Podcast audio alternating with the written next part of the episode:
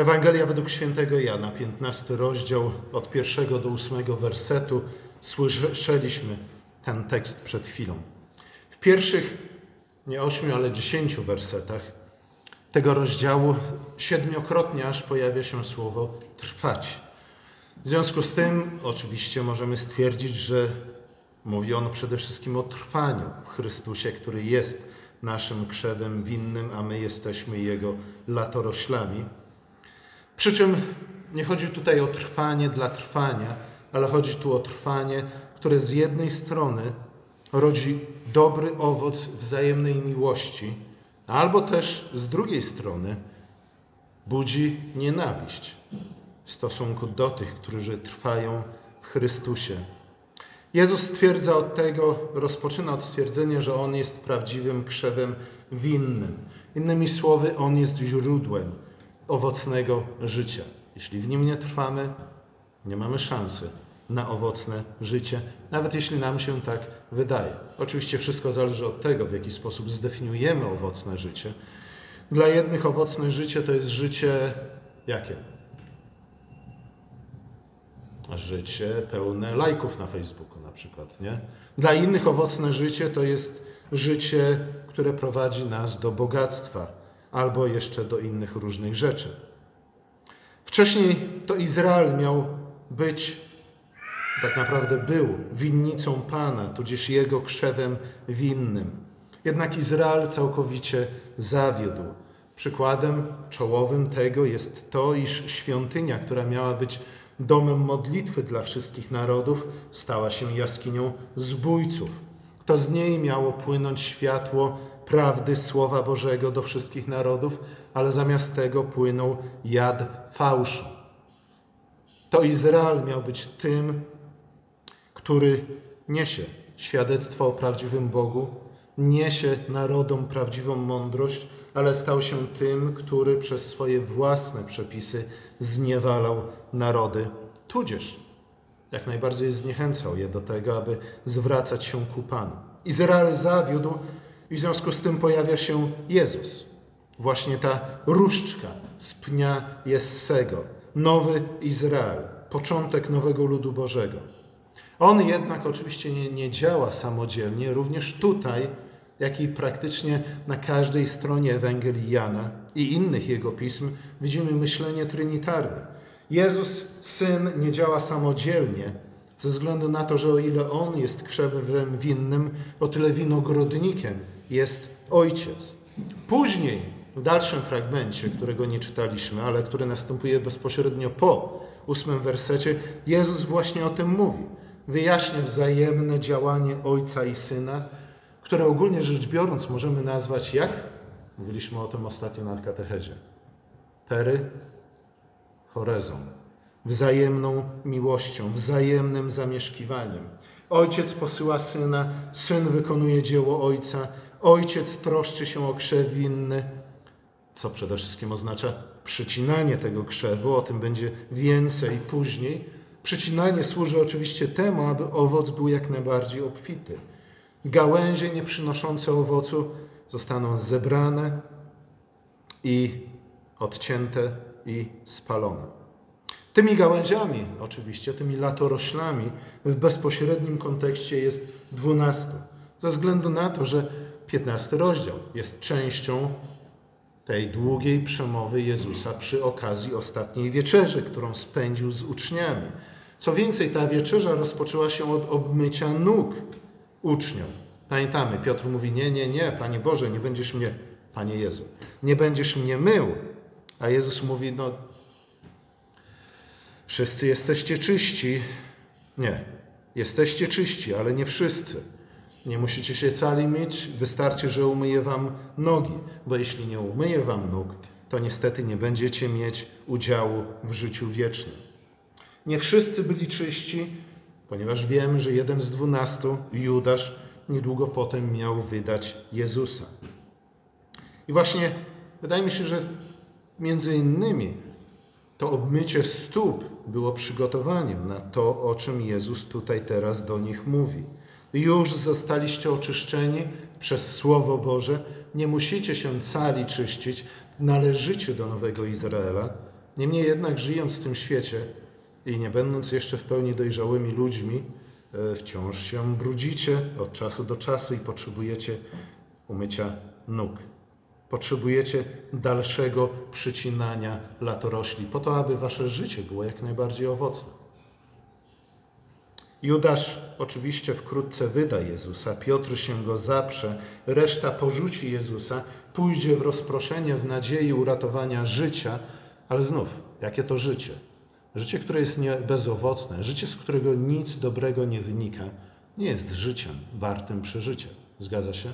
I prędzej czy później albo dochodzimy do tego wniosku i popadamy w depresję, albo okłamujemy się i mówimy, że lajki na Facebooku to jest dokładnie ten owoc i ta chwała, którą Bóg miał dla nas w zanadrzu od stworzenia świata. Słuchajcie, to przycinanie oczywiście dokonuje się przy pomocy Słowa Bożego, ale to przycinanie bardzo często odbywa się przy okazji różnego rodzaju kryzysów, przez które przechodzimy. I właśnie to, co się dzieje zaraz po ostatniej wieczerze, jest doskonałym tego ilustracją. Apostołowie byli już czyści ze względu na to, że przyjęli słowo, potrzebowali jednak obmycia stóp. Byli czyści, ale nie byli czyści do końca. Byli czyści, ale wciąż się brudzili. Potrzebowali dalszego, ciągłego oczyszczania przez Słowo Boże. I to oczyszczanie zarówno w wymiarze zbiorowym, to odcięciu Judasza jest właśnie najlepszym tego przykładem, ale także w wymiarze indywidualnym. I tutaj przykład Piotra jest jak najlepszym przykładem. I znowu zwróćmy uwagę, jak w przypadku Piotra, ale też Judasza, zarówno kryzys doświadczenia, przez które oni przeszli, w połączeniu ze słowem, które usłyszeli od Chrystusa, doprowadził do albo odrzucenia, albo oczyszczenia, po to, aby latorość wydała większy owoc. Przycinanie odbywa się właśnie przy pomocy słowa. Słowa, które jest ostrzejsze niż miecz obosieczny, zdolne do rozdzielenia duszy od ducha, stawów od szpiku, do osądzenia skrytych zamiarów serca. I przede wszystkim właśnie o te skryte zamiary serca chodzi. To, że autor listu Hebrajczyków nazywa je skrytymi zamiarami, świadczy o tym, że one nie są tak bardzo oczywiste. One nie są oczywiste, ja bym powiedział, są bardziej nieoczywiste dla nas, którzy je ukrywamy, bo dlatego one są skryte niż dla innych ludzi. Inni ludzie o wiele szybciej zauważają, nie zawsze słusznie oczywiście, ale o wiele szybciej zauważają te skryte zamiary naszego serca niż my sami. Dlatego potrzebujemy wspólnoty, dlatego potrzebujemy słowa, dlatego potrzebujemy przyjaciół, a nie tylko pochlebców. Słuchajcie, jeśli żyjecie tylko i wyłącznie dla lajków na Facebooku, to właśnie to jest to przekleństwo, które prędzej czy później Was spotka. Jeśli otaczamy się tylko i wyłącznie pochlebcami i tylko i wyłącznie pochlebstw szukamy, jesteśmy na drodze, którą zmierzał przed nami Judasz. I dokładnie tak skończymy. Ale słuchajcie, to jest tak. Samo doświadczenie nigdy nam nie wystarcza do tego, żeby nauczyć nas jakiejkolwiek mądrości. Zgadza się? Samo doświadczenie najczęściej sprowadza nas jeszcze bardziej i głębiej na manowce. Samo cierpienie jako takie w żaden sposób nas nie oczyszcza. Wiktor Igo w Nędznikach dokładnie nam to opisuje. Nie? Ludzie dobrzy, cierpiąc, stają się jeszcze lepsi. Ludzie zły, źli cierpiąc, stają się jeszcze gorsi. W związku z tym, nawet jeśli przyszłoby nam do głowy, żebyśmy zaczęli się w jakiś sposób umartwiać, biczować albo coś innego jeszcze robić, odmawiać sobie dobrych łakoci w czasie na przykład Wielkiego Postu, licząc na to, że to w jakiś automatyczny sposób uczyni nas ludźmi szlachetnymi, mylimy się. Ja bym powiedział, to będzie miało wręcz odwrotny skutek do zamierzonego, ze względu na to, że tego typu doświadczenia, nawet tego typu ofiary, jakie składamy, jeśli nie towarzyszy im słowo, jeśli one nie są podyktowane słowem, uczynią nas ludźmi jeszcze gorszymi, jeszcze bardziej zgorzkniałymi i tak dalej, i tak dalej. W najlepszym przypadku będziemy bardzo przyzwoitymi hipokrytami.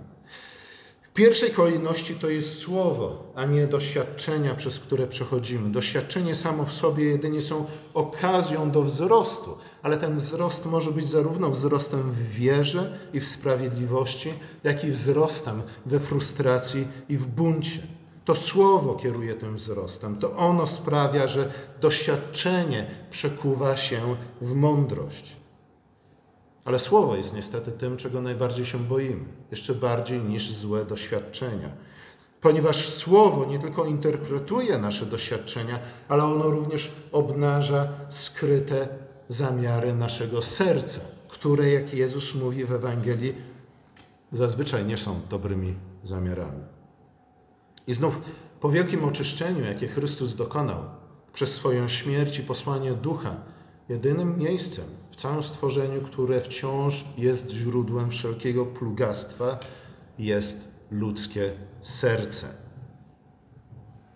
Ale widzicie, o to chodzi. Nikt z nas nie lubi tak naprawdę patrzeć w lusterko. Chyba, że to jest zaczarowane lusterko, które co robi? Kadzi nam pochlebstwami i tak dalej. Słowa boimy się najbardziej ze względu na to, że ono obnaża naszą winę. Ono obnaża nasze błędne decyzje, nasze zmarnowane okazje. Bo słowo jest właśnie światłością, która rozprasza mroki naszego serca, najmroczniejsze zakamarki naszego serca, do których nawet sami boimy się zajrzeć. Ale niestety to miejsce, którego najbardziej unikamy, jest też miejscem, które powinniśmy od czasu zajrzeć. I ponieważ my sami nie chcemy nie zaglądać, dlatego Bóg poszyła swoje słowo, które rozświetla i pozwala nam ujrzeć. A to, co widzimy, niestety nas przeraża. Dlatego nie chcemy tam zaglądać. Boimy się prawdy o samych sobie i dlatego uciekamy od słowa. I dlatego otaczamy się pochlebcami którzy wbrew faktom, wbrew prawdzie utwierdzają nas w przekonaniu, że nawet jeśli nie jesteśmy najlepszymi ludźmi na świecie, to jednak na pewno jesteśmy ofiarami losu albo ofiarami knowań złych ludzi. I słuchajcie, to jest fascynujące, że tak naprawdę od samego początku Pismo Święte mówi nam, że po pierwsze o wiele łatwiej przychodzi nam znaleźć winnego, naszego, naszych nieszczęść, a nawet naszych upadków poza sobą. Nie? Adam i Ewa. I czytamy od tych powiedzmy 6 tysięcy lat tę historię, opowiadamy ją sobie i wciąż nie zwracamy absolutnie uwagi na to, co ona mówi.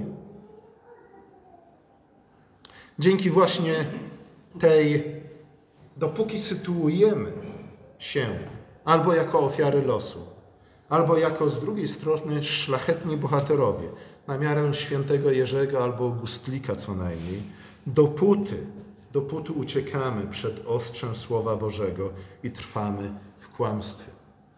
Jeszcze naprawdę nie powinniśmy być zdziwieni, że kiedy Jezus przyszedł i rozmawiał z faryzeuszami, kapłanami uczonymi w piśmie, to jak ich nazwał? Dziećmi szatana, ojca kłamstwa. Zgadza się? I my czytamy tę historię i mówimy, należało im się. Dokładnie powiedział to, co sami byśmy chcieli powiedzieć o tych faryzeuszach i kapłanach i uczonych w piśmie. I dobrze, i dobrze. Słuchajcie, w pewnym sensie dobrze jest rzucać kamieniem w innych ludzi, ze względu na to, że im więcej tych kamieni rzucamy, tym bardziej stajemy się winni. I być może w którymś momencie dojrzejemy do takiego kryzysu, w którym będziemy musieli w końcu wyciągnąć belkę z własnego oka. Albo i nie. I wtedy skończymy jak Judasz, nie daj Boże. Słuchajcie, trwanie w Jezusa niekoniecznie musi być też, a ja bym powiedział przede wszystkim, czymś miłym i przyjemnym. To nie znaczy, że ono nie prowadzi do radości, którą Jezus określa radością doskonałą, radością kompletną, Niemniej jednak, no, mówimy, bez kołaczy nie ma czego? Nie, bez pracy nie ma kołaczy. I dokładnie tak jest. Kolejne przysłowie, które jest dla nas tylko i wyłącznie pustym frazesem. Słuchajcie, już samo uświadomienie sobie faktu, że trwanie w Jezusie niekoniecznie musi być samą przyjemnością, jest dla nas bolesnym doświadczeniem. Jak to? Przecież Jezus umarł, żebym ja nie musiał umierać. Jak często słyszymy takie frazesy. On cierpiał i umarł, żebym ja nie musiał cierpieć i umierać. Nie. No, czytajmy Biblię, czytajmy Ewangelię. Czy Piotr i Jan nie musieli cierpieć i umrzeć? Czy Szczepan, czy Jakub, czy cała reszta? Czy 144 męczenników, o których czytamy w Apokalipsie, nie musieli cierpieć i umrzeć, ponieważ trwali w Jezusie? A jednak, a jednak. Niby czytamy, ale nic to dla nas nie oznacza. On cierpiał i umarł, aby Twoje życie wydało dobry owoc. I słuchajcie, to jest właśnie Ewangelią. Nasze życie nie musi być życiem bezowocnym. Nasze życie nie musi być życiem, które polega tylko i wyłącznie na pochlebianiu sobie nawzajem. Nie musi być życiem, które koniec końców oznacza dreptanie w kółko. Nie musi być życiem, które, musi, które oznacza uganianie się za pustą sławą.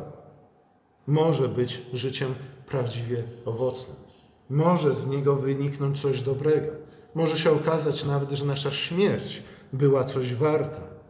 I właśnie to Bóg nam obiecuje. To znów nie tylko w Nowym Testamencie, ale także Stary Testament mówi o czym? Słyszeliśmy to niedawno na jednym z kazań. Drogocenna jest co? Śmierć wiernych w oczach Boga. Abyśmy nauczyli się kochać miłością prawdziwą, miłością mocniejszą od śmierci. Po to Jezus umarł. W ten sposób Ojciec zostanie uwielbiony w naszym życiu, w Twoim życiu, w moim życiu i w zamian za to otoczy nas prawdziwą, a nie facebookową chwałą. Dlatego ważne jest to, abyśmy czytali ten fragment w kontekście właśnie tych następujących, w których Jezus mówi o synu i jego relacji z ojcem. Ojciec posyła syna, syn czyni wolę ojca. Ojciec chce, żeby syn oddał swoje życie, ale syn mówi tak, dobrowolnie oddam swoje życie, a później je wezmę z powrotem. Ojciec zostaje uwielbiony przez to ufne posłuszeństwo syna. I co? I w zamian otacza syna chwałą i przyjmuje go z powrotem do wspólnoty Trójcy. Na poziomie codziennego życia to trwanie w Jezusie, to poddawanie się działaniu słowa, które niekoniecznie jest przyjemne, ale zawsze jest dobre i owocne. Oznacza zachowanie przykazań Ojca. W pewnym sensie to jest właśnie takie proste, a jednak takie trudne. Jak syn okazał ufne posłuszeństwo ojcu, zachowując jego przekazania, tak i my powinni, powinniśmy czynić. Musimy jednak pamiętać, że przekazania ojca nie są oczywiste, wzię, oczywiście wzięte z księżyca ani wyssane z palca, lecz są naszą mądrością. Są przejawem i objawieniem boskiej mądrości, które umożliwiają nam właśnie godne, szlachetne życie wydawanie dobrego owocu w naszym życiu. To posłuszeństwo Ojcu oczywiście zaprowadziło syna na krzyż, ale właśnie na krzyżu pokonał władcę tego świata i zdobył koronę. A gdyby się uchylił przed wykonaniem przykazań Ojca, gdyby powiedział: Nein, nie pójdę na krzyż, to słuchajcie, jaki los by go spotkał. Czy wydałby jakikolwiek dobry owoc w swoim życiu? Jaki los spotkałby Chrystusa i za kogo dzisiaj byśmy go uważali? Jaki los spotkałby w związku z tym cały świat? Byłby kolejnym pretendentem na bohatera, zbawcą ludzkości, który w kluczowym momencie robi unik i schodzi z krzyża i potwierdza tylko i wyłącznie, że prawdziwi bohaterowie występują tylko w bajkach albo prawdziwi bohaterowie zginęli na wojnie. I nic oprócz tego. Byłaby to może historia piękna, ale tylko i wyłącznie tragiczna. Nie wynikałoby z niej żadne pocieszenie. Kolejne wersety jasno stwierdzają, że los latorośli jest losem krzewu winnego. O tym mówiliśmy tydzień temu przy okazji dobrego pasterza. I słuchajcie, znów z tego wynika z jednej strony zachęta i pociecha, ale z drugiej strony yy, przestroga, żebyśmy nie byli zdumieni i zawiedzeni. Jak ludzie nikczemnie sprzeciwiali się Jezusowi, naszemu krzewowi winnemu, tak również na cel wezmą Jego uczniów, Jego latorośle. A prześladować ich będą tym bardziej, im bardziej uczniowie będą podobni do Jezusa. Innymi słowy, im bardziej owocne nasze życie będzie, im więcej będzie w nim dobrego owocu, tym większy sprzeciw będziemy spotykać. Dokładnie tak jak Jezus. I znów pojawi się pokusa. Wystarczy tylko schować swoje chrześcijaństwo do szafy i już unikniemy losu Jezusa. Słuchajcie, w dzisiejszych czasach oczywiście zwykle nie musimy tego robić na co dzień, zwłaszcza, że jesteśmy w stanie, zwłaszcza w dobie internetu, otoczyć się przynajmniej wirtualnymi pochlebcami, którzy będą nas utwierdzać w tym, że jesteśmy super. Ale w życiu codziennym różnie to już bywa. I słuchajcie, to działa na takiej zasadzie, dlaczego Jezus został koniec końców zabity, wypchnięty z naszego życia, z naszego świata na przeklęte drzewo życia. No właśnie dlatego, że był dobry. Jako dobry mówił prawdę i czynił dobro. I nam by się wydawało, że, że gdyby pośród nas pojawił się ktoś autentycznie dobry, to natychmiast byśmy go przyjęli, objęli i ucałowali. Prawda jednak jest inna ze względu na to, że każdy ideał jest naszym sędzią.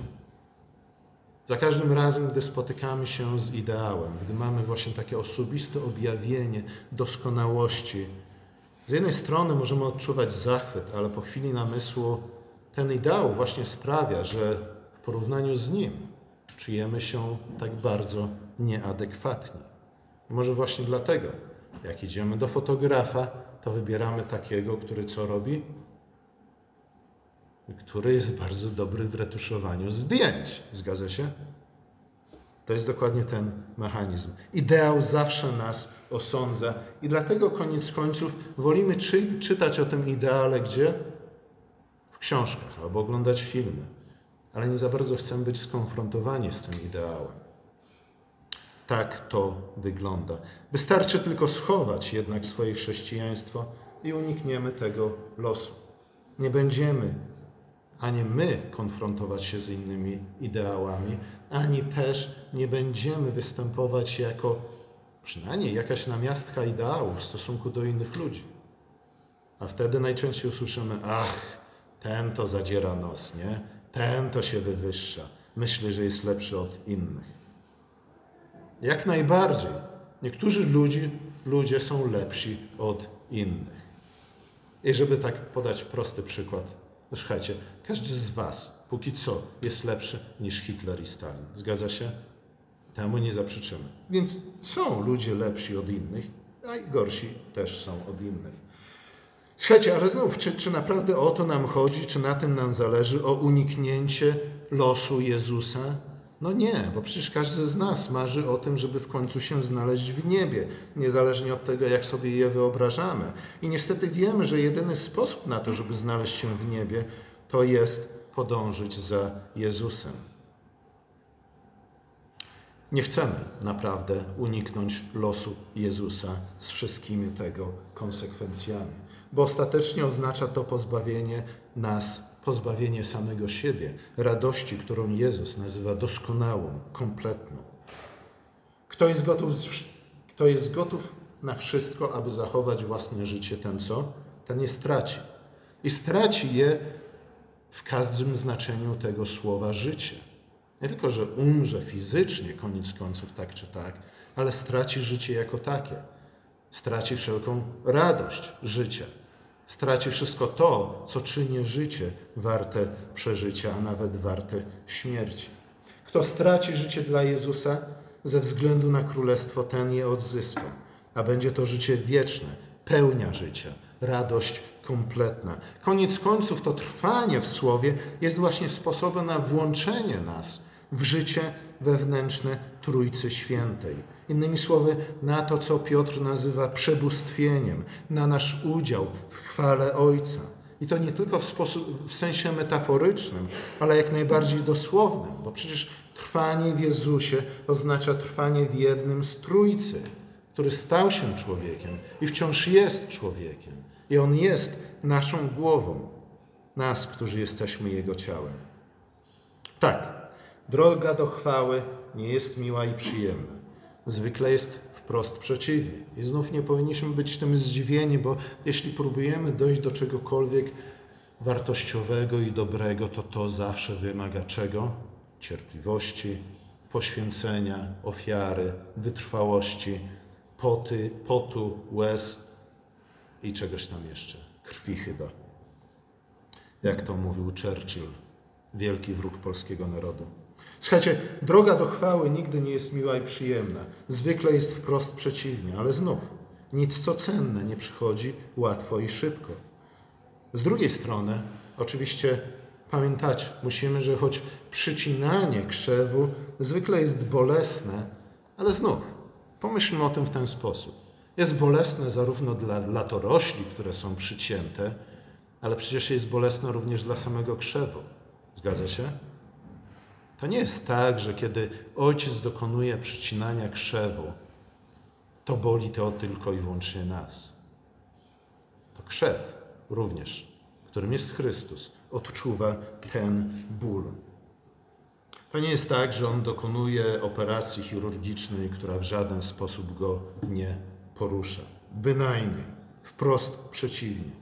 Ale znów pamiętajmy o tym, że choć to przycinanie zwykle bywa bolesne, to, to dokonuje się rękami kochającego Ojca, który czyni to nie po to, aby samego siebie uwielbić, ale po to, aby otoczyć nas coraz większą chwałą. Ojciec, matka, nauczyciel i tak dalej, karcący dziecko, wychowanka, może się jawić tym wychowankom jako okrutny Bóg Ojciec. Zgadza się?